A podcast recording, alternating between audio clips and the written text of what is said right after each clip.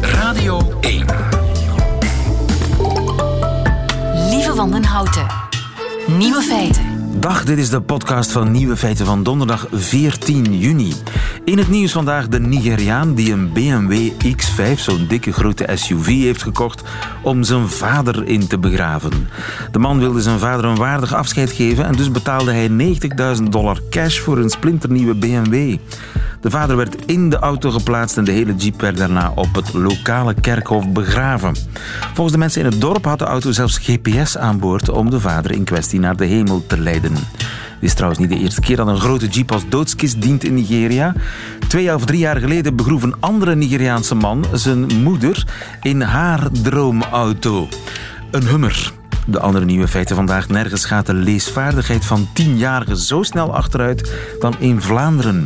Veel producten die Italiaans lijken, zijn helemaal niet Italiaans. Er zijn extra veel muggen dit jaar. En Duitse ambtenaren mogen niet staken. En ja, in Tessenderlo zijn 150.000 bijen gestolen. Bavo Klaas denkt er het zijne van in zijn hoogstpersoonlijke middagjournaal. Veel plezier.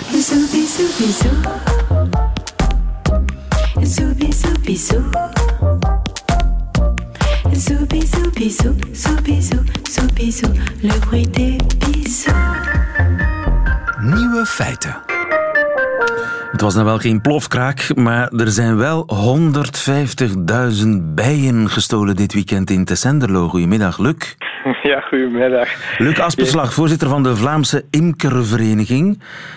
Ja, inderdaad. Bijen, wie steelt nu bijen?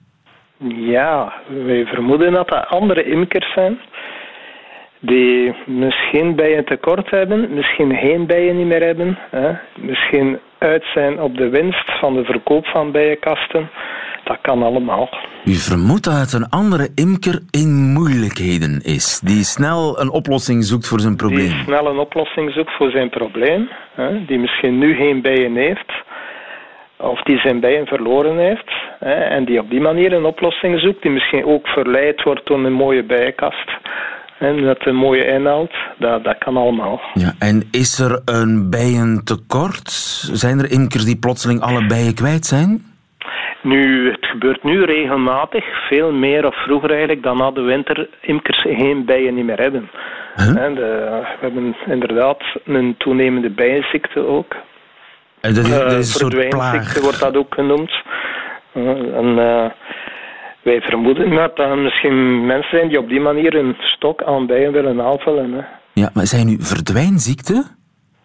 Ja, en dat is een fenomeen eigenlijk. Je doet na de winter je kast open en daar zitten helemaal geen bijen meer in.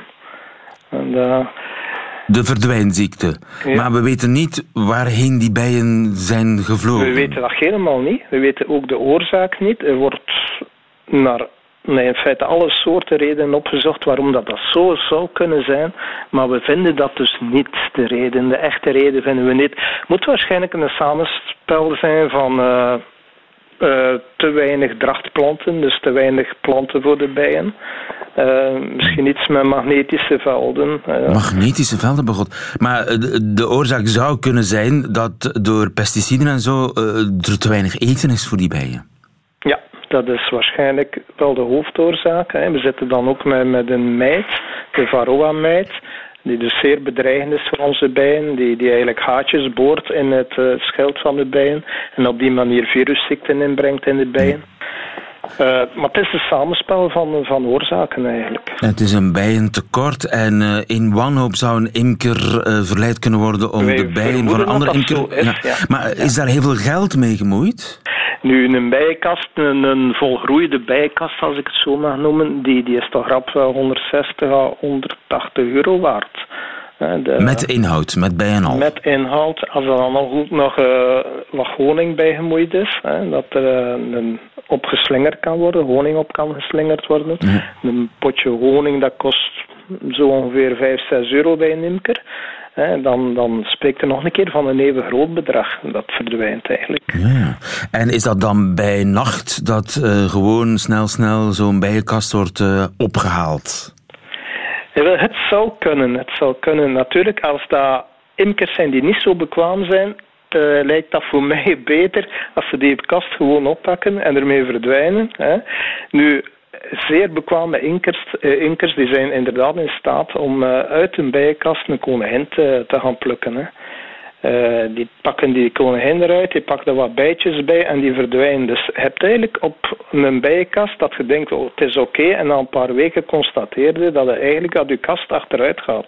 Koningin en dan weg. blijkt de koningin verdwenen. Fuck. En als je heel bekwaam bent, dan, dan, dan met, met eh, behendigheid en een handschoen, neem ik aan, Ja, pluk je, ja, ja, pluk je de herken je de koningin? Is dat makkelijk of moeilijk? Om dat, om Dat is te- zeer moeilijk, hè, Ah. want eh, als daar ergens tussen 40.000 bijen of zo moeten een koningin gaan zoeken in het donker, dan moet je dus eigenlijk al wat onderlegd zijn als imker. En die koningin, die trekt dan eh, het volk mee? Of hoe zit dat? Waarom is die koningin dan zo interessant? Ja, met, dus met de koningin kun je eigenlijk een, een volledig nieuw volk starten. Hè. Eh, er zijn ook, er is Ah, kwaliteit. die legt, vo- die legt voortdurend eitjes natuurlijk. Ja, ja, ja. Ja, die, die ja, gaat ja, direct ja. voort met de leggen. De koningin legt zo 2000 eitjes per dag. Hè. Eh, als je dus de koningin uit zo'n kast haalt en je brengt die onder in een klein kastje, die gaat direct terug aan de leg. Ja. En eh, die zorgt dus voor een zeer snelle uitbreiding van een bijenkast. En dan kan het dagen en weken duren voordat de originele eigenaar van de koningin door heeft dat ze verdwenen is. Dat duurt dus een tijdje. Die ziet zo zijn kast achteruit gaan, want er is geen koningin gaat er dan meer nog maar eens achteraan. Zeg, en kun je je beveiligen tegen bijendiefstal? Eh, moeilijk. Hè. Er, er, is dus, eh, er zijn dus recente ontwikkelingen met de inbrengen van een chip. Een beetje te vergelijken met de chip in de fiets. En, eh, dat uw fiets niet gestolen wordt, dat is een beetje te vergelijken. Eh, Maar zo'n chip kun je moeilijk aan een want- koningin hangen, toch? Eh, moeilijk. Ja, moeilijk, maar wel aan de bak, aan, aan de korf zelf. Dat wordt dan de, de, de, de kast zelf, aan de romp, zoals zij dat noemen, gehangen eigenlijk. Maar uiteindelijk, je kunt dus op het moment dat de kast opgetild wordt en die wordt vervoerd, kun je dat misschien gaan traceren. Hè? En dan moet je snel zijn en kun je misschien de dief op heterdaad betrappen. Ja. Maar eh, in de meeste gevallen zal die dief ook wel snel doorhebben als inspectie van die kast dat dan een chip in zit en die verwijdert die Ja. en dan kun je dat nooit niet meer Oei. terugvinden. Dus eigenlijk is er weinig tegen te doen en het gebeurt meer en meer. Het gebeurt meer en meer en het gebeurt natuurlijk eh, vooral in het vrije veld. Hè. Dus eh fruittelers, eh koolzaadtelers, die, die doen beroep op imkers voor bestuiving. Die kasten staan daar redelijk eenzaam. Die staan midden in een akker of zo. Je kunt ze moeilijk betoneren, hè? Ja, voilà. En je kunt er ook moeilijk bij gaan slapen. Hè. Dus eh, ja, de, de mogelijkheid zit er dus wel in dat uw kast daar verdwijnt. Hè. Een nijpend probleem onder imkers. Dankjewel, Luc Aspeslag. Goedemiddag. Ja, goedemorgen nog. Dank u. Nieuwe feiten. Onze kinderen die kunnen tegenwoordig niet meer lezen. Goedemiddag, professor Monen. Van de Universiteit van Hasselt. Er komt een taalraad begrijpend lezen op initiatief van minister Krivits, minister van Onderwijs, een raad van experts. En die gaan een actieplan opstellen. Want het is kennelijk heel erg, bleek ook uit internationaal onderzoek. Hoe erg is het? Wel, wat er uit dat on- internationale onderzoek blijkt, dat zie je heel goed als je ehm, de tendens opmaakt. Neem onderzoek van tien jaar geleden. Toen hadden we in dat Pirls-onderzoek 10% van de kinderen die niet goed genoeg lezen om te kunnen deelnemen aan het maatschappelijke leven. In het recentste Pirls-onderzoek, studie van 2016, resultaten zijn vorig jaar bekendgemaakt, hadden we 20%. Oei. Dus het aantal zwakke lezers is verdubbeld. En dat, is echt analfabetisme dan? Nee, dat is niet echt analfabetisme. Dat is ehm, tekst kunnen ontcijferen, maar daar zoveel moeite mee hebben dat, eh, ehm, dat men het gewoon laat. Men past voor de moeite. Eh, of het komt er gewoon niet uit. Ze begrijpen het niet. Ja. En ik begrijp ook dat eh, Vlaanderen een van de snelste dalers is. Want we bengelen helemaal onderaan op de 32e plaats van de 50 ondervraagde landen. En tien jaar geleden stonden we nog op 8. Dus van 8 naar 32 in de hitparade van begrijpend lezen. Ja, eh, ja dus Vlaanderen viel op als de sterkste daler. Nu, op zich hoef- hoeft dat nog niet zo erg te zijn. In die zin, eh, je kunt ook dalen in de ranking omdat de anderen eindelijk wat beter worden. Maar het, het, het jammere is dat het aantal zwakke lezers veel groter wordt. Het aantal echt goede lezers wordt kleiner. En ehm, wat je ziet, de groep uh, landen met kinderen die goed lezen en die significant beter lezen dan Vlaamse kinderen, die wordt steeds groter. Uh, als ze allemaal even goed zouden worden en ongeveer even goed, dan was er eigenlijk nauwelijks iets aan de hand. Maar dat is niet wat er gebeurt. We worden zwakker in lezen. Heb je en... één idee hoe dat kan komen? Dat de Vlaamse tienjarigen tien jaar geleden veel beter lazen dan vandaag? Uh, daar spelen waarschijnlijk een hoop dingen in mee. Een van de dingen die uh, altijd weer genoemd wordt, is uh, we besteden op school minder tijd aan leesonderwijs en taalonderwijs. Is dat zo? Um, dat is zo en dat zal ook wel een rol spelen, maar ik denk niet dat daarmee alles gezegd is. Kijk, Nederland bijvoorbeeld heeft um, de, de, de instructietijd voor lezen en taalonderwijs de laatste jaren fors opgedreven. Maar dat vertaalt zich niet in betere leesresultaten. Integendeel, het laatste rapport, de staat van het onderwijs van de, van, uh, de Nederlandse onderwijsinspectie komt dat. Uh, die zegt, kijk eens, de groep kinderen die het streefniveau voor lezen niet haalt, die is 10% groter geworden vergeleken bij het laatste rapport. Ja. Die ligt op 35%. 35% van de kinderen haalt het streefniveau, datgene wat we eigenlijk zouden willen, niet. Dat is uh, alarmerend. Zou het kunnen dat het taalniveau van de leraar evenzeer achteruit is gegaan?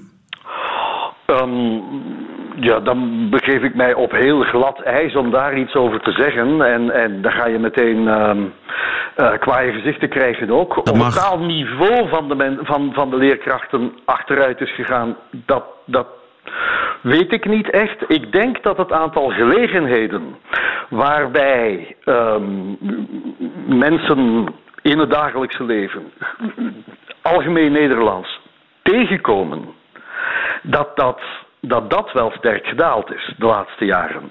Dat denk ik wel. Dus de leraar die op school ook een soort van tussentaal hanteert, de tolerantie daarvoor is de laatste jaren ferm toegenomen? Die is toegenomen. Je ziet ook.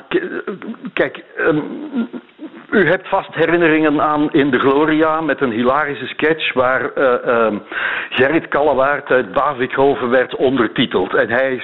hij uh, Bavikhoven. Ja, hij beklok zich erover dat de West-Vlamingen ondertiteld werden. Dat de West-Vlamingen ondertiteld werden. Kijkt u eens naar um, televisieprogramma's die uh, niet alleen bij de VRT, maar bij VTM, bij, bij Vier en zo gemaakt worden. Daar wordt iedereen ondertiteld. Bij topdokters worden de hoogst opgeleide mensen die worden ondertiteld. En dat is vaak nodig. Dus de achteruitgang van de standaardtaal vertaalt zich in een achteruitgang van begrijpend lezen bij tienjarigen. Dat zou een theorie kunnen zijn. Ik, ik denk dat dat daar ook een rol in speelt. Nu, ik, pas op, ik pleit er niet voor. Ik, ik ben geen dialect- of tussentaalhater of wat dan ook. Hè. Ik vind dat die dingen hun plaats hebben. Maar we, we zijn het in het onderwijs wel aan leerlingen verplicht om ze ook standaardtaal te leren. En zeggen van, oh nee, we gaan dat niet doen, of we, we kunnen daarop toegeven en het moet, uh, buiten de les Nederlands hoeft het niet echt. Dat is, denk ik, de verkeerde optie. Ja, want dat is desastreus voor het vocabularium van de gemiddelde ja. tienjarigen. Elke leerkracht is naast een vakleerkracht ook een leerkracht algemeen Nederlands. Dat maakt deel uit van zijn taak, denk ik. En uh, je, je hebt als leerkracht niet de keuze of je dat bent of niet. Je uh, hebt alleen de keuze of je er een goede wil zijn of niet. Ja. Ik denk dat uh, stof genoeg tot nadenken voor die taalraad die er komt op initiatief van uh, minister van Onderwijs Krivits. Die taalraad moet een actieplan opstellen om uh, tienjarigen beter te kunnen doen lezen. Dankjewel, professor Monen in Hasselt voor ons. Goedemiddag. Graag gedaan. Nieuwe feiten. In Duitsland mogen ambtenaren niet staken, zegt de rechter. Goedemiddag, Dirk Rochtus. Goedemiddag.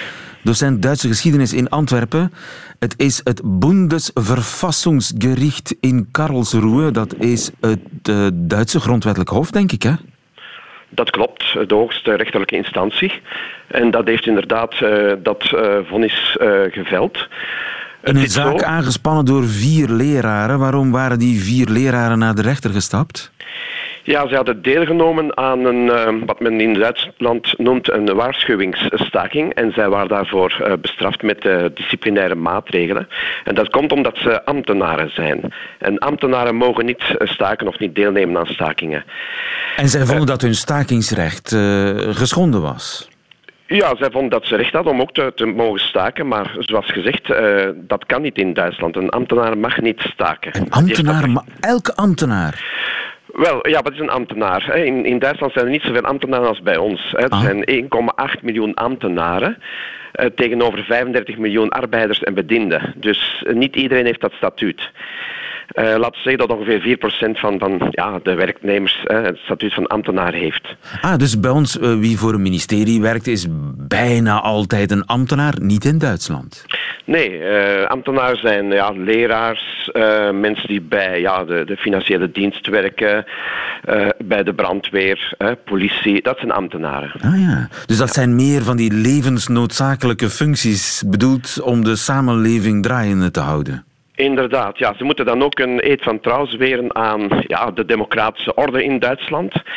En dat is ook de reden waarom ze niet mogen staken. Ze moeten ervoor zorgen dat de staat blijft uh, functioneren. Ja, ja. Maar bijvoorbeeld spoorarbeiders en, en machinisten, zijn dat ambtenaren? Die vallen daar niet onder, onder dat ah. statuut. Uh, die vallen onder wat men in Duitsland noemt een tariefverdrag. Hè, een soort uh, collectieve arbeidsovereenkomst of een arbeidsovereenkomst tout court.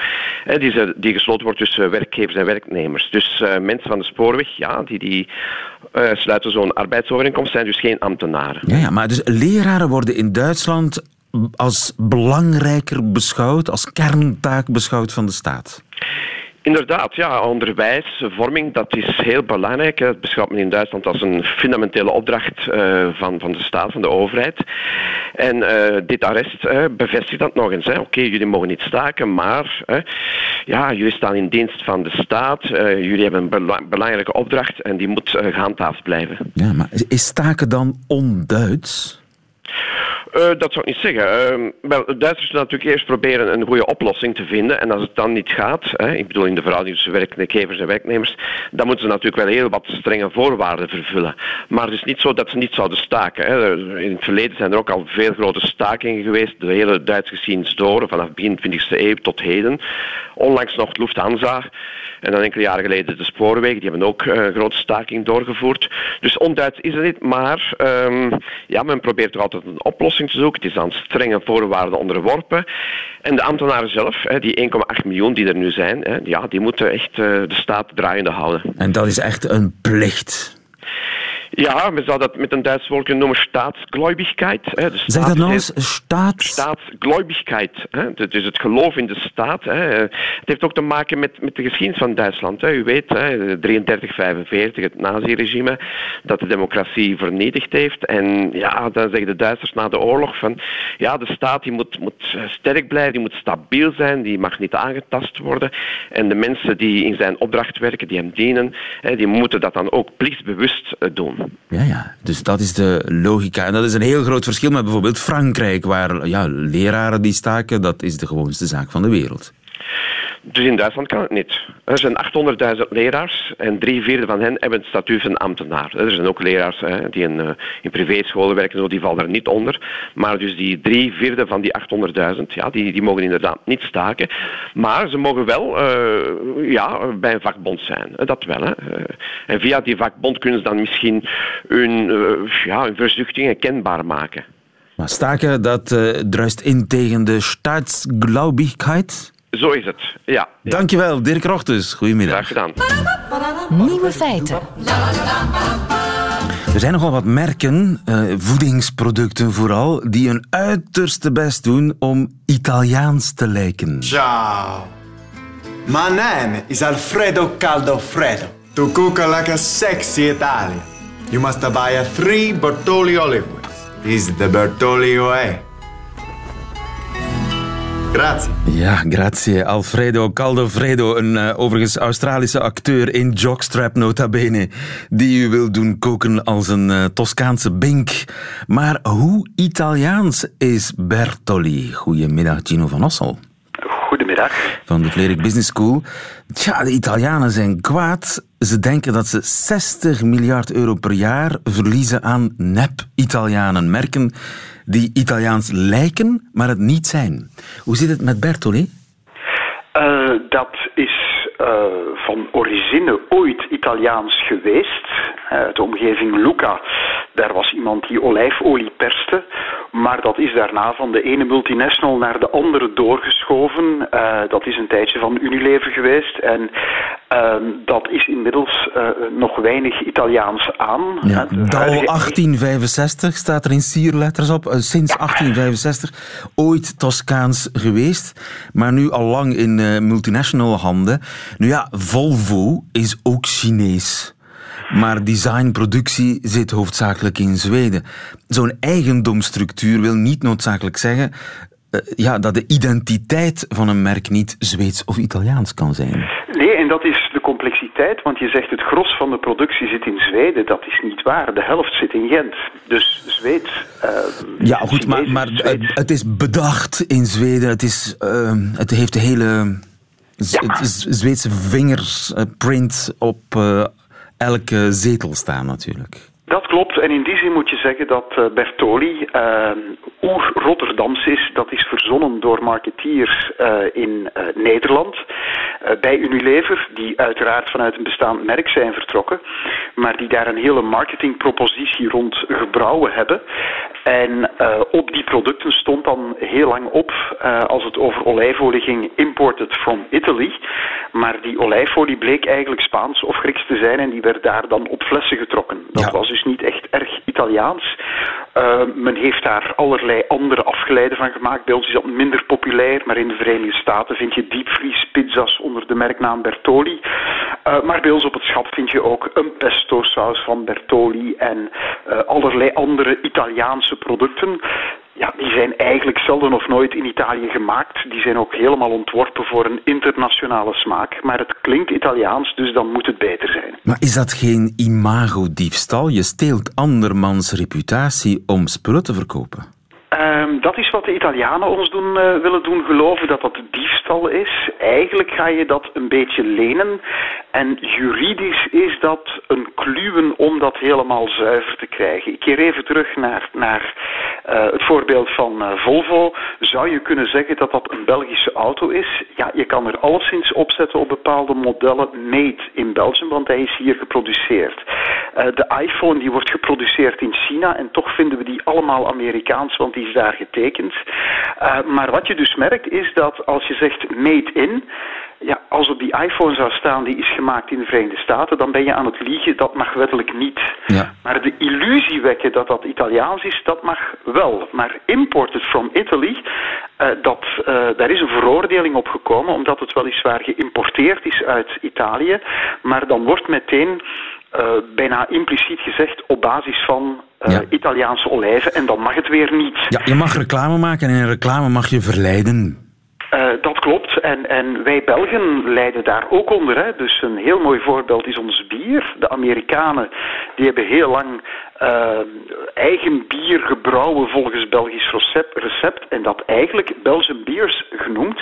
Wel, daar is ook een veroordeling opgekomen. En nu vind je in de Verenigde Staten en ook daarbuiten Belgian Style Beers. Aha. Dus als erop staat Belgian Style, dan mag het... Het is in à la Belge, maar... Uh... Ja, ja, dus en, en de meest strikte, dat zijn de herkomstbenamingen. Dat kennen we het best van wijn. Ja. Champagne moet vandaar komen. Appellation contrôlée natuurlijk. Hè. Maar uh, zijn er zo nog iets, fake Italiaanse merken? Mijn Boretti-fornuis bijvoorbeeld, is dat Italiaans? Dat is ook Nederland. Hè. Het lijkt wel of de Nederlanders daar kampioen zijn. Maar dat wordt gemaakt in China, ontworpen in Nederland. Daar zit niks Italiaans aan. Uh, er is wel een naam, een man die die naam heeft, die ze ooit benaderd hebben om ja, mascotte te zijn van het bedrijf, maar zelfs dat is niet doorgegaan. Maar je hoeft uh, niet, niet zo ver te gaan zoeken hoor. Uh, Massimo Dutti klinkt heel Italiaans, maar is onderdeel van de Inditex groep en is een zusje van Zara. Daar is niks Italiaans aan. En Belgisch Comia Casa, dat is de Comia Casa is Belgisch natuurlijk. Ja, ja de grootste producent van verse lasagnes in Europa. Ehm, en die fabrieken staan ook op verschillende plekken in, in Europa, maar dat is een Belgisch product met een Belgisch recept. Nee. Maar, bij Comia Kaas heb ik niet de indruk dat ze heel veel hun best doen om te doen alsof ze uit Italië komen. Dat is gewoon lasagne. Ja, casa is een Latijn, is een Italiaans Is de Italiaanse woord. naam, oké, dat klopt. Eh, de verpakking die oogt toch wel wat Italiaans. Met andere woorden, het is een suggestie die je daar eh, eh, probeert in te steken. Hè. En dus ehm, in, in marketingkringen is dat gekend. Hè. Men gaat eigenlijk het herkomstland gebruiken om het imago van dat land te laten afstralen op het product. En de Italianen eh, vinden dat dat niet kan, maar wanneer je de argumenten beluistert, is dat soms een beetje grappig. Ik ga nu misschien wat Italianen boos maken. Als het gaat over voeding, ja, we hebben wel het gevoel dat Italiaans eten dat dat lekker is. Als het gaat over design, ja, dat is wel iets Italiaans. Maar als het gaat over techniek, dan weet ik niet of wij de Italiaanse techniek zo hoog zouden gaan aanschrijven. En wat zeggen de Italianen? Ja, die, die ovens, dat is niet Italiaans, dat doet afbreuk aan de Italiaanse kwaliteit. Ik denk dat een doorsnee persoon meer vertrouwen misschien wel zou kunnen hebben in een uh, Nederlands dan in een Italiaans fornuis. Maar als het gaat over het lekker zijn, ja, dan is het anders. En er is zo die heel bekende um, one-liner of quote, die zegt, de hemel, dat, dat is waar een politieman Brits is, een minnaar Frans, de mechanieker, die is Duits, ja. uh, de kok, die is Italiaans en de organisatie is in handen van de Zwitsers. Maar het wordt de hel natuurlijk als de politie Duits is. De minnaar Zwitsers, de mechanicien is een Italiaan, de kok Brits en we ja. laten heel uh, de Italianen het geheel organiseren. Ja, dan loopt het helemaal fout. En dat is wat marketeers doen. Dat is als het precies moet zijn, dan gaan we de illusie wekken dat het Zwitsers is. Als het bier moet zijn, dan is het lekkerste bier zeker niet Italiaans, maar dat is Belgisch. En pasta, ja, dat komt uit Italië, dus dat gaan we dan als Italiaans voorstellen. En daar wordt mee gespeeld en dat wordt continu gedaan in alle richtingen. Dus de 60 miljard die ze verliezen, of dat dat getal klopt, laat ik in het midden. Ze zelf ook wel winnen door bij bepaalde producten het anders voor te stellen. Ja. Ik, uh, ik denk dat het in alle richtingen werkt en uh, het is terecht. Italianen hebben het imago van lekkere, mooi gestijlde uh, producten te maken. Maar... En daar maken marketeers gebruik van om de hemel te verkopen. Dankjewel, Gino van Ossel. Goedemiddag. Lieven van den Houten. Radio 1. Zit u ook helemaal onder de muggenbeten? Ik ken iemand die was van het weekend in, de Ardennen en die is daar helemaal lek gestoken. Goedemiddag, Arnold van Vliet. Goedemiddag. Meneer Van Vliet, u bent uh, van de Wageningen Universiteit in Nederland. Zou het kunnen dat er uh, dit jaar meer muggen zijn dan anders? Nou, wat we gezien hebben is dat ze veel vroeger zijn dan anders. Bijna een maand vroeger dan normaal. En hoe komt dat? Um, ja, dat komt door die hele hoge temperaturen die, uh, die we de afgelopen uh, eigenlijk bijna al drie maanden gehad hebben. Het is nu in ieder geval weer eindelijk een keer een normale temperatuur vandaag.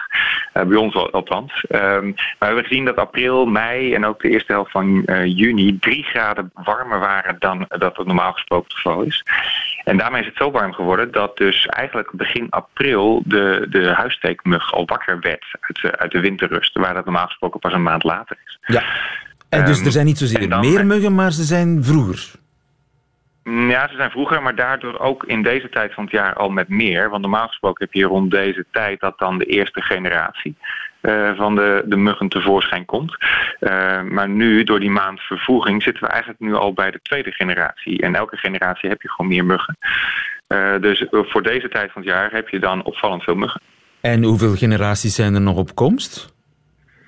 Ja, dat is dus het nadeel als dat vroeg begint. Uh, en stel, we houden nu gewoon uh, normale uh, temperaturen. dan kan dat nog wel tot en met oktober kan die ontwikkeling doorgaan. Dan remt het al wel wat af. Maar dan ga je richting misschien dit jaar wel zes, zes generaties. Zes generaties. Ehm, en dus ja, elke generatie kweekt weer een nieuwe. Dus dat is een exponentiële toename.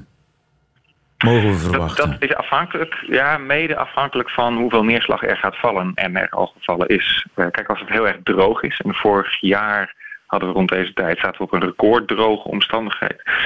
Um, en dan heb je heel weinig broedplaatsen waar die muggen ook hun eitjes kunnen afzetten en waar die larven in kunnen opgroeien.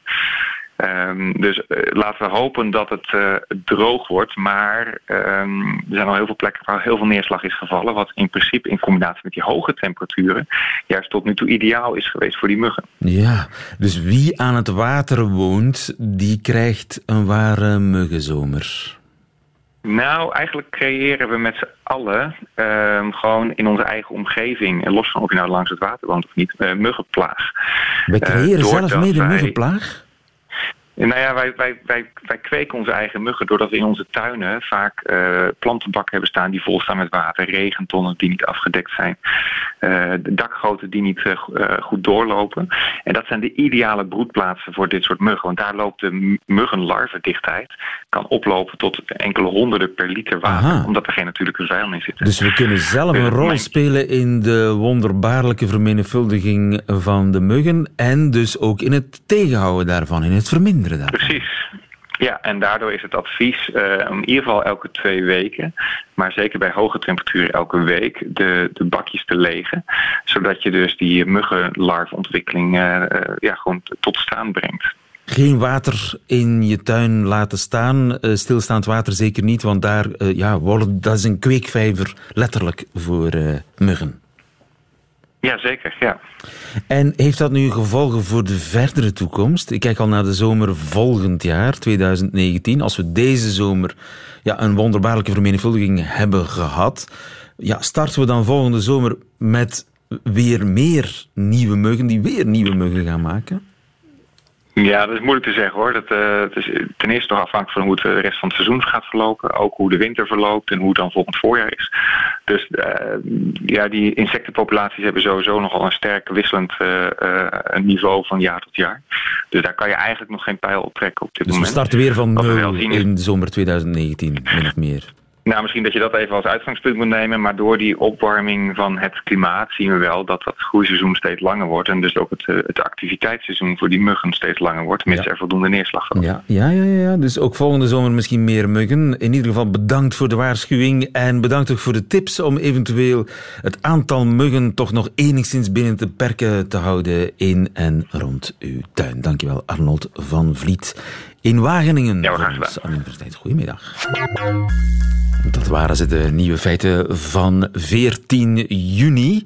Behalve natuurlijk die in het leven van schrijver Bavo Klaas. Bavo Klaas, die u ook nog kunt kennen als eh, ja, tv-journaal-anker van vroeger. Bavo Klaas. Nieuwe feiten.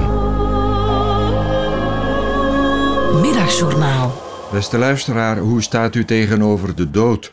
Wordt elke week aan een schrijver gevraagd in de boekenbijlagen van de Standaard. Wel, laat ik de vraag op de radio beantwoorden. Dat bespaart papier. Toen ik geboren werd, waren mijn grootouders al in den Heer ontslapen. Op één na en die stierf toen ik twee was. Het begrip oma en opa heb ik dus niet bepaald met de flessen melk meegekregen. Mijn masterplan is dan ook om zelf niet dood te gaan voor mijn kleindochters, ze zijn met z'n drieën intussen, met hun eerste vrijer thuiskomen. Een plan tegen beter weten in, want onze oudste kleindochter is pas drie. En zelf heb ik ondertussen al twee van mijn zussen en vier van mijn schoonbroers verloren aan die gast met zijn zijs. Toen we vorig jaar een nieuwe auto kochten, moesten we ook een verse nummerplaat en om dat nummer te onthouden bedacht mijn vrouw een geheugensteuntje. De letters sla ik even over. De cijfers achteraan zijn 210. Simpel, zei mijn vrouw. Eerst zitten we met z'n tweeën in die auto, daarna nog iemand in zijn eentje en daarna niemand meer. Toegegeven, dat blijft hangen. Hoewel, zullen we het ons nog herinneren als meneer Alzheimer eenmaal met zijn hamer op ons hoofd begint te slaan. Eerst met zo'n hamer van schuimrubber waarmee clowns elkaar de hersens intimmeren, gaandeweg met gereedschap van harder materiaal. Ik heb begrepen dat Hugo Claus zijn euthanasie bij de arts bepleitte met het argument dat een schrijver die zijn woorden verliest ondraaglijk lijdt. Ik betrap er mezelf op dat ik in gedachten zit te oefenen voor dat aanstaande gesprek. En dat ik de arts dan zeg: Ik heb meer recht op een zachte dood dan Klaus, want die kon nog altijd schilderen, dokter. Ik heb het beste voor het laatst bewaard. Als ik dertig jaar dood ben, stuit een dynamische Nederlandse uitgeverij, de Lebowski van dat moment, op een vergeeld exemplaar van mijn roman 50. De uitgever leest hem in één ruk uit, onder het prevelen van de woorden: Potjandori, hoe is het gods mogelijk dat zo'n prachtige, gelaagde en hartroerende tekst in de vergetelheid is gesukkeld. Waarna het heruitgegeven boek aan het tweede leven begint. Wishful thinking? Ja, maar het hiernamaals is ook wishful thinking. En die heruitgave lijkt mij nog altijd iets waarschijnlijker dan dat er een hemel met gouden of voor mijn part plastieke lepeltjes bestaat. Laat me nu toch even in de waan.